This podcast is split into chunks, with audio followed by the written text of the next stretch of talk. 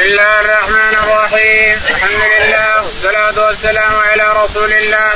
قال الإمام الحافظ أبو عبد الله محمد بن إسماعيل البخاري في صحيح. كتاب الأدب باب تعاون المؤمنين بعضهم بعضا. قال رحمه الله حدثنا محمد بن يوسف. قال حدثنا سفيان بن أبي برده بريد بن أبي برده. قال أخبرني جدي أبو برده نبي أبي موسى. عن النبي صلى الله عليه وسلم قال المؤمن للمؤمن كالبنيان يشد بعضه بعضا ثم شبك بين أصابعه وكان النبي صلى الله عليه وسلم جالسا جاء رجل يسأل أو طالب حاجة أقبل علينا بوجهه وقال اشفعوا فلتجروا وليقضي الله على لسان نبيه ما شاء. صلى الله على نبينا محمد وعلى آله وصحبه أجمعين. يقول الإمام الحافظ أبو عبد الله البخاري رحمه الله في صحيحه ونحن نزال في كتاب الأدب كتاب الأدب. يقول رحمه الله باب تعاون المؤمنين بعضهم باب تعاون المؤمنين بعضهم مع بعض يعني المؤمن المؤمن يشد بعض بعض المؤمنين يشد بعضهم بعضا. بخلاف وقتنا اليوم نعوذ بالله الناس متفرقين ما يعرف أحد أحد ولا يرعى أحد أحد. لكن المؤمنين هم المؤمنين سواء كان موجود ولا مو موجود. المؤمنين في كل وقت وفي كل زمان هم المؤمنين. بعضهم بعض. يتراحم بعضهم بعض. يتراحمون قال يقول البخاري رحمه الله باب تعاون المؤمنين بعضهم. باب تعاون المؤمنين بعضهم مع بعض. حدثنا؟ محمد بن يوسف. محمد بن يوسف. قال حدثنا؟ سفيان.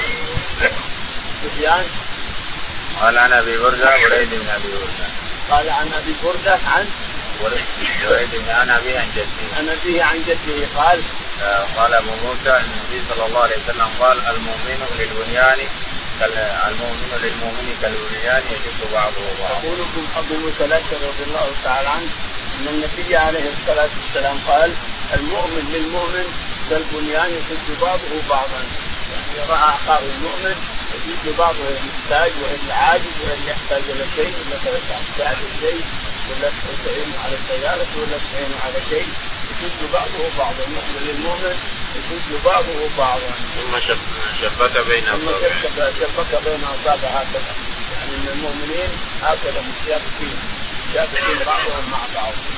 كان النبي صلى الله عليه وسلم جالسا اذ جاء رجل يسأل أو طالب حاجة. يقول وكان النبي عليه الصلاة والسلام جالسا فجاء رجل يطلب حاجة فقال اشفعوا تؤجروا ويقضي الله على لسان رسوله ما شاء اشفعوا تاجروا يقول فلان انت عندك كذا وكذا أرى أن بعت فلان من فلان ويقضي الله ما شاء على رسوله سواء امير ولا أخوك المسلم ولا مدير ولا مدير ولا حاجة اشفعوا تؤجروا يا فلان ارى كذا أنه كذا وكذا. هذا شفاعة. لكن الله هو اللي يقضي تعالى وتقدم اشفعوا تؤجروا لك أجر الإنسان. وربنا هو يقضي ما شاء بما شاء. يقضي تعالى وتقدس باعطاء الرزيق ما ما يقضي كذا. الأمر بيده والتدبير بيده تعالى وتقدس. باب قول الله تعالى من يشفع شفاعة حسنة يكن له نصيب منها ومن يشفع شفاعة سيئة يكن له قبل منها وكان الله على كل شيء مقيتا. قبل نصيب قال ابو موسى كفلين اجرين بالحبشيه. قال رحمه الله حدثنا محمد بن العلاء قال حدثنا ابو اسامه عن بريد بن ابي بردان ابي موسى رضي الله عنه عن النبي صلى الله عليه وسلم إنه كان إذا أتاه السائل أو صاحب الحاجة قال اشفعوا فلتجروا وليقضي الله على لسان رسوله ما شاء. يقول البخاري رحمه الله حدثنا وقول الله تعالى من يشفع شفاعة قال قول الله تعالى من يشفع شفاعة حسنة يكون له نصيب منها ومن يشفع شفاعة سيئة يكون له كفل منها. الكفل هو النصيب. الكفل هو النصيب. من باب البيان. من باب اسلوب البيان استعراض البيان. يقول تعالى يقول البخاري حدثنا قال أبو موسى كفلين أجرين. قال أبو موسى كفلين أعطي كفلين يعني أعطي أجرين. قال حدثنا محمد بن العلاء. يقول البخاري رحمه الله حدثنا محمد بن العلاء. قال حدثنا أبو أسامة. أبو أسامة. قال حدثنا بريد بن أبي بردة. بريد بن أبي بردة قال عن أبي بردة عن أبي موسى. بن ابي موسى قال عن ابي موسى عن ابي رضي الله تعالى عنه قال بمعنى الحديث الأول أنه كان إذا أتاه السائل أو أو صاحب الحاجة يشفعه. يقول معنى الحديث الأول من الحديث الأول برضه عن نعم. أن النبي عليه الصلاة والسلام قال تؤجروا ويغفر الله على لسان رسوله ما شاء. مثلا الإنسان بحاجة ويطلب حاجة تشفع له الإنسان. إن الله قضى شيء. الحمد لله والا والا فلك اجر انت إن قضى الله بالشيء فالحمد لله وإلا فلك أجر الانسان اشفعوا تؤجروا اشفع عند أخي شيء وعند المدير وعند الرئيس وعند كذا؟ لك أجر. لكن القضاء بيد الله تعالى وتقدم باب لم يكن النبي صلى الله عليه وسلم فاحشا ولا متفحشا قال رحمه الله حدثنا عبد عمر قال حدثنا شعبان سليمان قال سمعت أبا وائل سمعت مسروقا قال قال عبد الله بن عمرو قال حدثنا قتيبة قال حدثنا جرير الأعمش عن شقي بن سلمة مسروق أنه قال دخلنا دخلنا على عبد الله بن عمرو رضي الله عنهما حين قدم مع معاوية إلى الكوفة فذكر رسول الله صلى الله عليه وسلم فقال لم يكن فاحشا ولا متفحشا وقال قال رسول الله صلى الله عليه وسلم إن من أخياركم أحسنكم خلقا. يقول البخاري رحمه الله. باب لم يكن النبي صلى الله عليه وسلم فاحشا ولا فاحشا ولا متفحشا عليه الصلاة والسلام. بل أحسن الناس وألطف الناس وارق الناس عليه الصلاة والسلام. يقول حدثنا عبد بن عمر. عبد بن عمر قال حدثنا شعبة. شعبة قال حدثنا سليمان الأعمش. عن الأعمش. الأعمش قال عن أبي وائل عن أبي وائل عن مسروق بن الأجدع قال عن عبد الله بن عمرو بن العاص. عن عبد الله بن عمرو بن العاص رضي الله تعالى عنه أن النبي عليه الصلاة والسلام كان قال إن النبي ليس فاحشا ولا متفحشا متفحشا ولا سخابا في الأسواق. نعم. قال وحدثنا قتيبة. ثم قال وحدثنا قتيبة. قال حدثنا جرير. جرير. قال حدثنا الأعمش. الأعمش. قال عن شقيق. عن شقيق. عن مسروق. عن عبد الله بن عمرو سمعنا الحديث الأول. قال عبد الله بن عمرو حين قدم مع معاوية إلى الكوفة فذكر رسول الله صلى الله عليه وسلم فقال لن يكن ولا وابن عبد الله بن عمرو بن العاص قدم من الشام مع معاوية إلى الكوفة. قال معاوية راح يشوف الكوفة هو الخليفة المسجد وقدم مع عبد الله بن عمرو بن العاص فحدث الناس. وصل الكوفة حدث الناس إن النبي عليه الصلاة والسلام كان أرق الناس وألطف الناس ليس غليظ ولا بذيء. وكان ليس فاحشا ولا متفحشا عليه الصلاة والسلام. ليس فاحشا لنفسه ولا متفحشا على غيره. وقال قال رسول الله صلى الله عليه وسلم إن من اخياركم احسنكم ثم قال إن الرسول عليه الصلاة والسلام إن من خياركم أحسنكم خلقا أحسن الناس خلقا من خيار الناس خيار الناس أحسن الناس خلقا. لك ولي غيرك قال رحمه الله دثنا محمد بن سلام قال أخبرنا عبد الوهاب عن أيوب بن عبد الله بن أبي مليكة عن عائشة رضي الله عنها أن يهودا اتوا النبي صلى الله عليه وسلم فقالوا السلام عليكم فقالت عائشة عليكم ولعنكم الله وغضب الله عليكم ما علي عائشة عليك بالرفق وإياك والعنف والفحش قالت أولم تسمع ما قالوا؟ قال أولم تسمعي ما قلت رددت عليهم. فيستجاب لي فيهم ولا يستجاب لهم في. يقول البخاري رحمه الله حدثنا محمد بن سلام. محمد بن سلام قال حدثنا عبد الوهاب. عبد الوهاب قال حدثنا أيوب. أيوب قال عن عبد الله بن أبي مليكه عن عبد الله بن أبي مليكه عن عائشة. عن عائشة رضي الله تعالى عنها أن ناسا من اليهود دخلوا على النبي عليه الصلاة والسلام وهي موجودة في غرفته. فلما دخلوا عليه قالوا السلام عليك يا محمد. السلام الموت يعني. السلام عليك يا محمد. فردت عليهم ادعوا. عليكم السلام واللعنه عليكم أنتم السلام واللعنه يعني فقال الرسول عليه السلام مهلا يا عائشة مهلا إن الرزق لا الرزق لا يوضع من شيء إلا شانه ولا يوضع في شيء إلا شانه عليك بالرزق. والانات واياك والعنف والفحش. اياك والعنف والفحش فإنه يشيل الإنسان. الفحش والعنف يشيل الإنسان يشيل كل قال أولم تسمع ما قالوا؟ قال أولم تسمعي ما قلت رددت عليه قال أولم تسمع ما قالوا؟ السلام عليك. قال ولم تسمع ما قلت لهم؟ رددت عليهم. يستجاب لي ولا يستجاب له قال رحمه الله دثنا اسبق قال أخبرني ابن أبي قال أخبرنا أبو يحيى وفليح بن سليمان عن هلال بن أسامة عن أنس بن مالك رضي الله عنه قال لم يكن النبي صلى الله عليه وسلم سبابا ولا بحاشا ولا لعانا كان يقول لأحدنا عند المعتبة ما له ترب جبينه. يقول البخاري رحمه الله حدثنا اصبغ بن فرج. اصبغ بن فرج. قال حدثنا ابن وهب بن وهب قال حدثنا أبو يحيى فليح أبو يحيى فليح بن سليمان قال حدثنا هلال بن أسامة. هلال بن أسامة قال عن أنس بن مالك.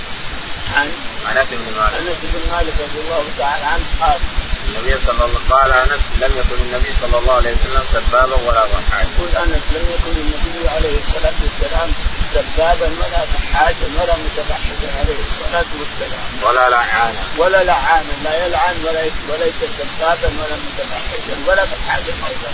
قال آه وكان يقول لأحدنا عند المعتبة ما له ترب جميله. يقول إذا عتب على أحد ولا واراد ان يلام احد ما له تربت يمينه.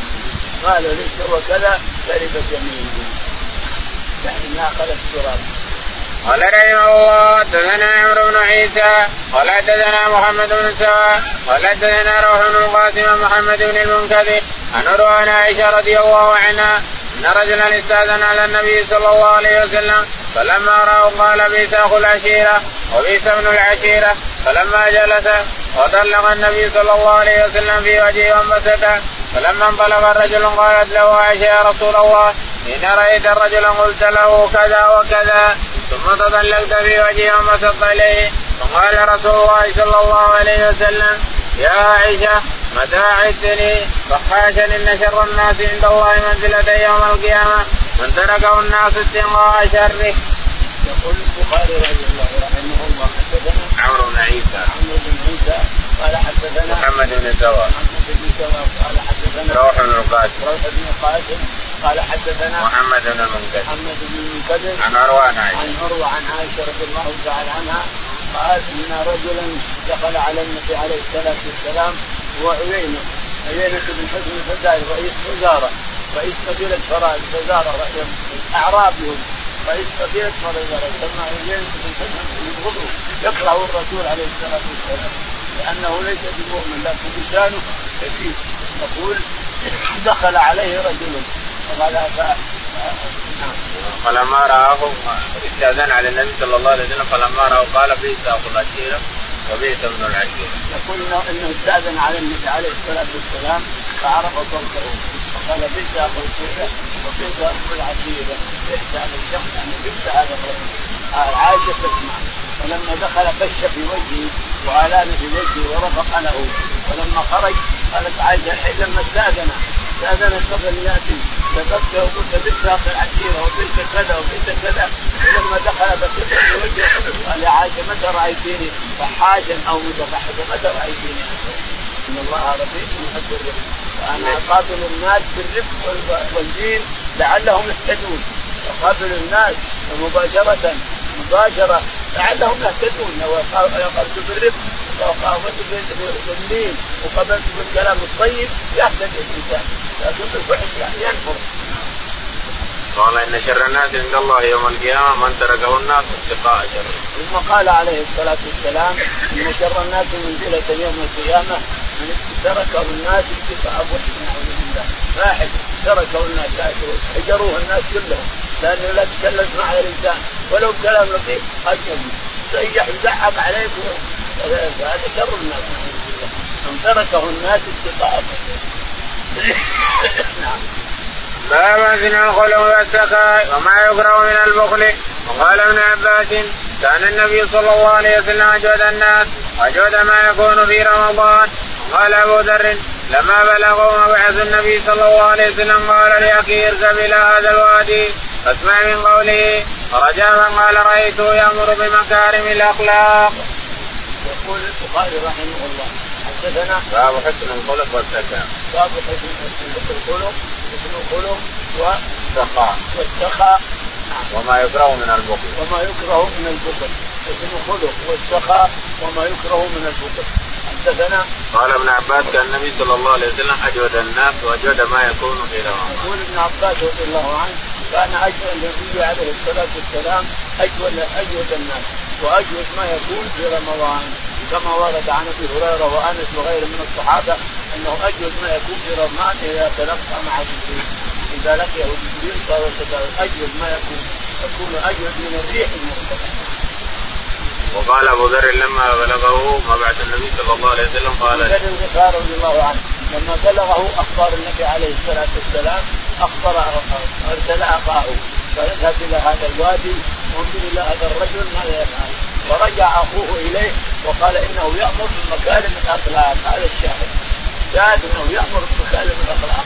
أبو ذر لكن أبو ذر قال ما شهيت ما شهيت جاء بنفسه حتى وصل جلس شهر هنا. يشرب من زمزم قالوا طعام إلا زمزم. حتى كان يقول كنت أصفر. كنت ما أقدر اجيل حتى يتسود يكون بطني من زمزم. يقول خشاف فلا أشرب من زمزم. لا اشرب لا آكل ولا أشرب إلا زمزم. حتى يقول كبر بطني وشفت صار من عين شهر شهر حتى وجد الرسول عليه وسلم وهو يبحث عنه.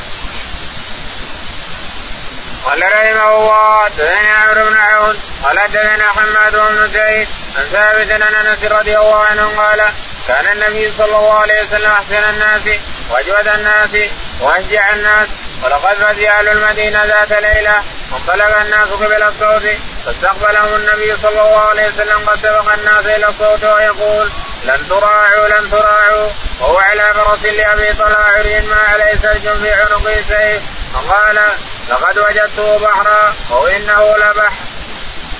يقول البخاري رحمه الله تابع للباب. تابع حدثنا عمرو بن عون عمرو بن عون قال حدثنا حماد بن زيد. حماد بن زيد قال قال حدثنا ثابت عن حدثنا ثابت قال عن أنس بن مالك. عن أنس رضي الله تعالى عنه أن النبي عليه الصلاة والسلام كان ليلة من الليالي فجأ أهل المدينة خرجوا بسيوفهم. من المدينة بكاملهم سمعوا صوت سياح يمكن صاعقة أو رعد أو شيء من هذا.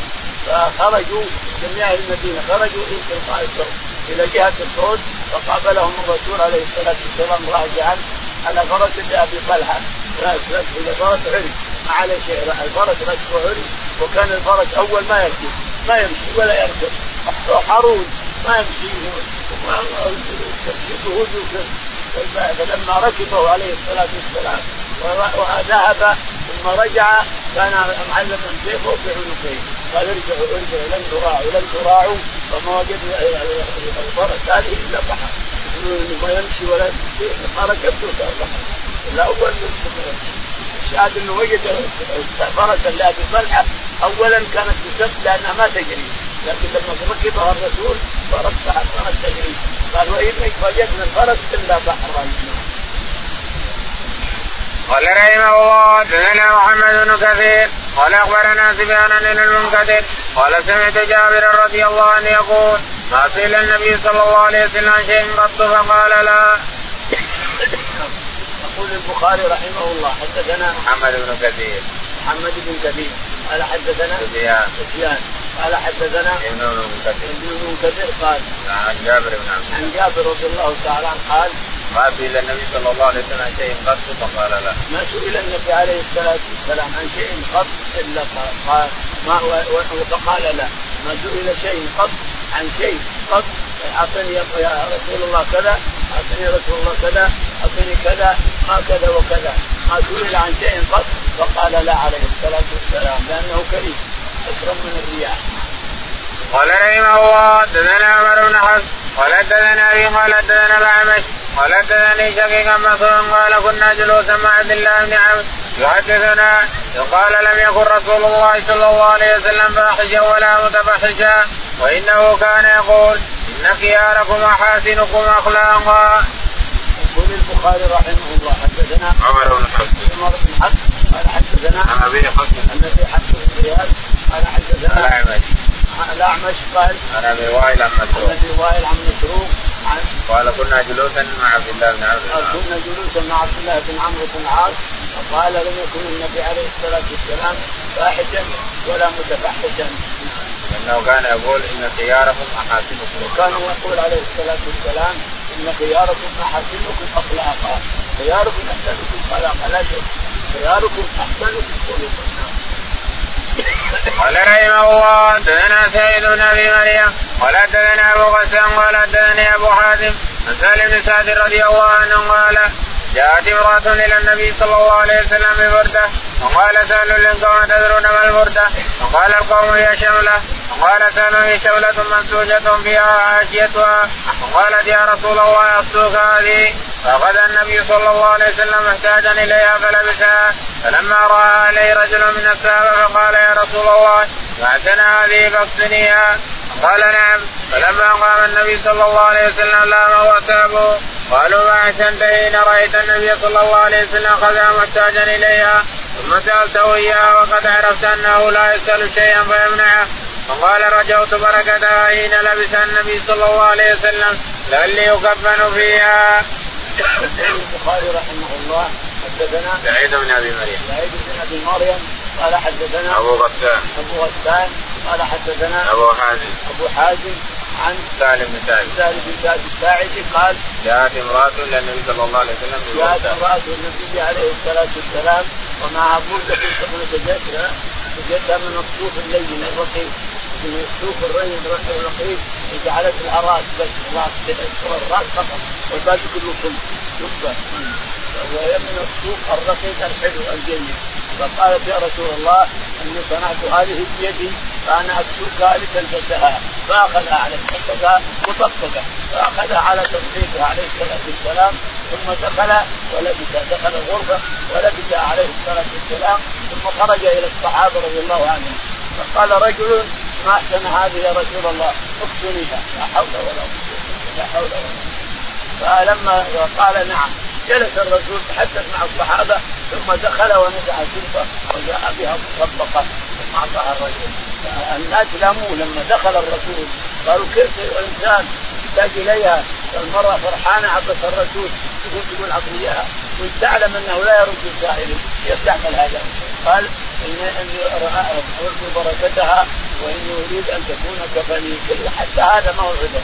هذا تريد أن تكون لكن الله قبل أن تكفن بكفن لكن الله اللي أراد هذا اللي أراد. قال إني أريد بركتها وإني اريدها أن تكون كفني. هذا عذر. الله أعلم. قال رحمه الله حدثنا اليمان قال أخبرنا شعيب بن الزهري قال أخبرني حميد بن عبد الرحمن أن أبا هريرة رضي عنه قال قال رسول الله صلى الله عليه وسلم يتقارب الزمان وينقص العمل ويلقى الشح ويكثر الهرج. قال وما الهرج؟ قال القتل القتل. يقول البخاري رحمه الله باب تابع للباب. باب حدثنا أبو اليمان. أبو اليمان. قال حدثنا شعيب. شعيب. قال حدثنا الزهري. الزهري. قال عن حميد بن عبد الرحمن. عن حميد بن عبد الرحمن قال عن أبي هريرة. عن أبي هريرة رضي الله عنه النبي عليه الصلاة والسلام نعم. قال يتقارب الزمان وينقص العمل. قال عليه الصلاة والسلام يتقارب الزمان. يعني يصير الإنسان تطلع عليك تطلع عليك السنة ما كان الله. خلاص انتهت السنة اي والله انتهت سبحان الله. بهذه السرعة نعم بهذه السرعة. يتقارب الزمان تدخل السنة ثم تطلع. ما كأنها لا كأنها حصلت على الناس. يدخل الشهر يطلع. ما كأنه دخل الشهر. يدخل اليوم يطلع. سبحان الله. طلعت الشمس الآن. وشوف غابت الشمس إحنا ما, ما عملنا حاجة ولا سوينا حاجة. يتقارب الزمان وتقارب حتى المسافات الأرض تتقارب أيضا. ويكثر ويكثر الهرج. وينقص العلم. وينقص العلم. ينقص العلم. النافع ينقص. رجل أعلم من أهل الأرض. لكن إذا كان ليس بنافع لعلمه. أو ما هو عامل بعلمه. ما ينفع علمه. ينقص العلم ولو ترى أكثر الناس عالم لكن ينقص العلم. العلم النافع ينقص حقيقه كذلك يقول ويلقى الشح. نعم. ويلقى الشح. ويلقى الشح. يلقى البخل نعوذ بالله على الناس. ويكثر الهرج. قال وما الهرج؟ قالوا القتل القتل القتل يقول في بقاع الأرض. كله فتنة وقتال نعوذ بالله. نسمع كل نسمع في الإذاعات والتلفزيونات كل بقاع الأرض. ما تجد بقعه سالمة. حتى الدول الكبرى نعوذ بالله حتى الدول اللي كانت كانت تهدد العالم. الحين كانت هي مبتلات بالقتل والقتل فيما بينها إلى آخره. فالقتل كثر في يوم هذا. في كل بقاع الأرض تجد كتاب قال رحمه الله دثنا موسى بن إسماعيل أنه سمع سلام بن مسكين قال سمعت ثابتا يقول حدثنا أنس رضي الله عنه قال قدمت النبي صلى الله عليه وسلم عشر سنين فما قال لي أبي ولا لما صنعت ولا ألا صنعت. يقول البخاري رحمه الله حدثنا موسى بن إسماعيل. موسى بن إسماعيل قال حدثنا سلام بن مسكين سلام بن مسكين قال حدثنا ثابت البناني أنس بن مالك. عن أنس رضي الله تعالى عنه يقول أنس إن النبي خدمت النبي عليه الصلاة والسلام عشر سنين. فما قال اف حتى اف ما قال اف ولا قال لي ليش فعلت كذا ولا ليش لم تفعل كذا أيضا. عشر سنين ما قال لي ليش عملت كذا ولا قال ليش لم تعمل كذا.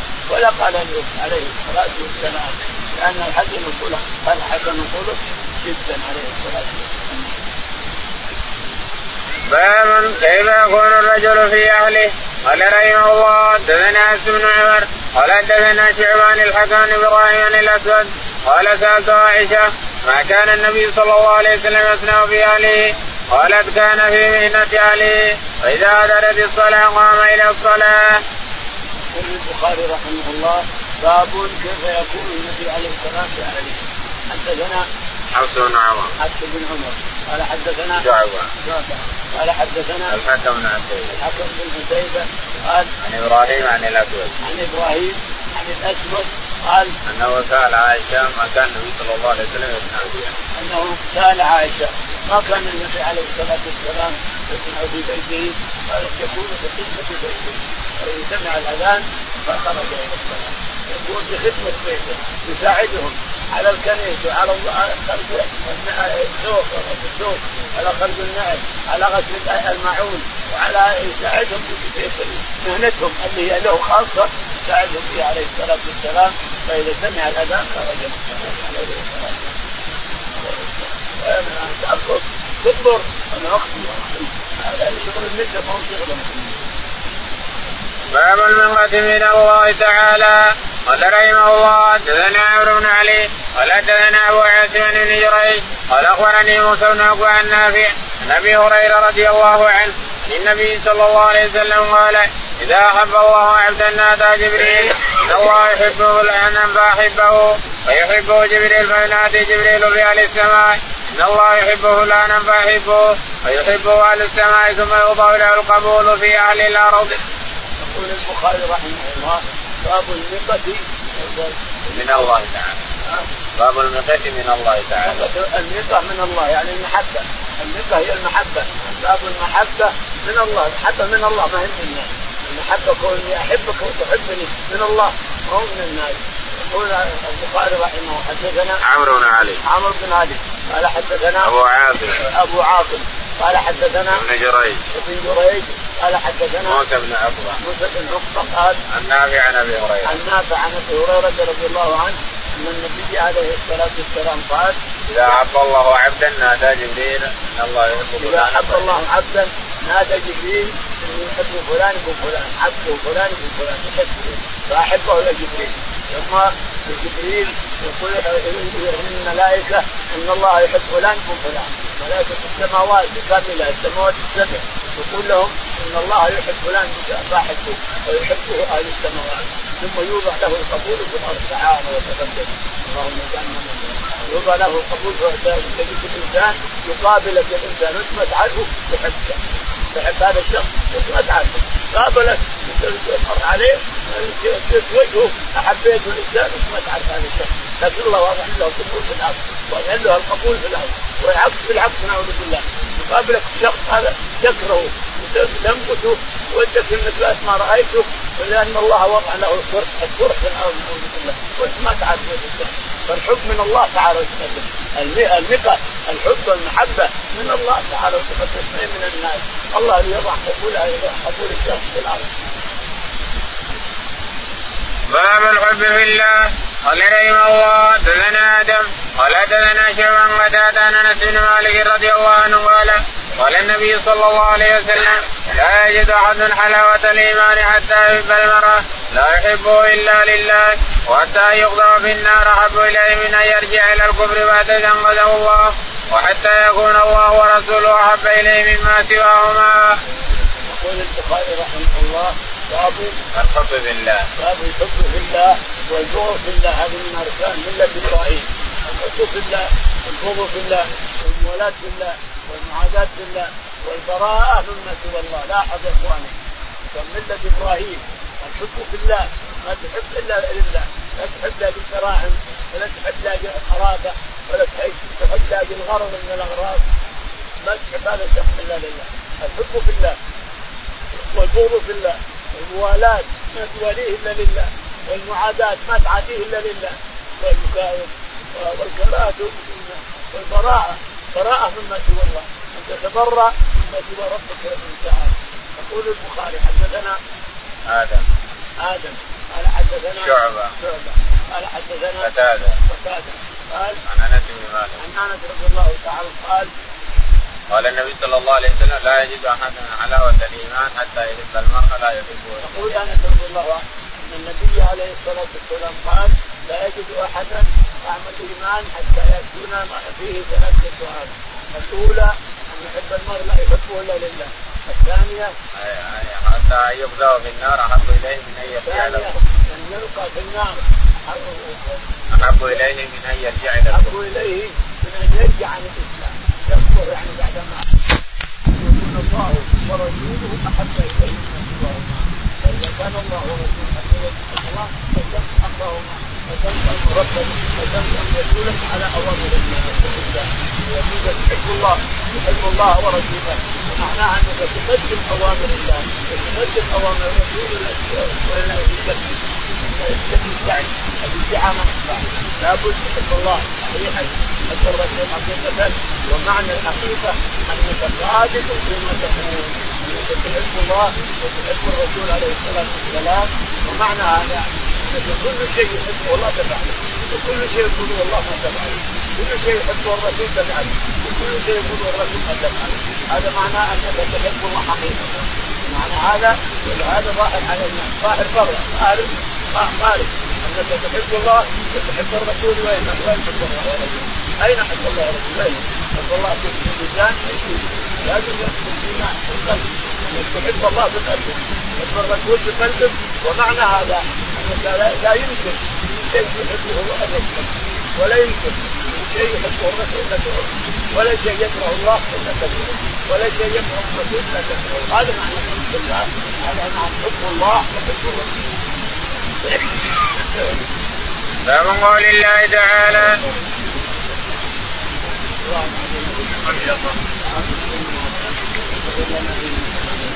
اللهم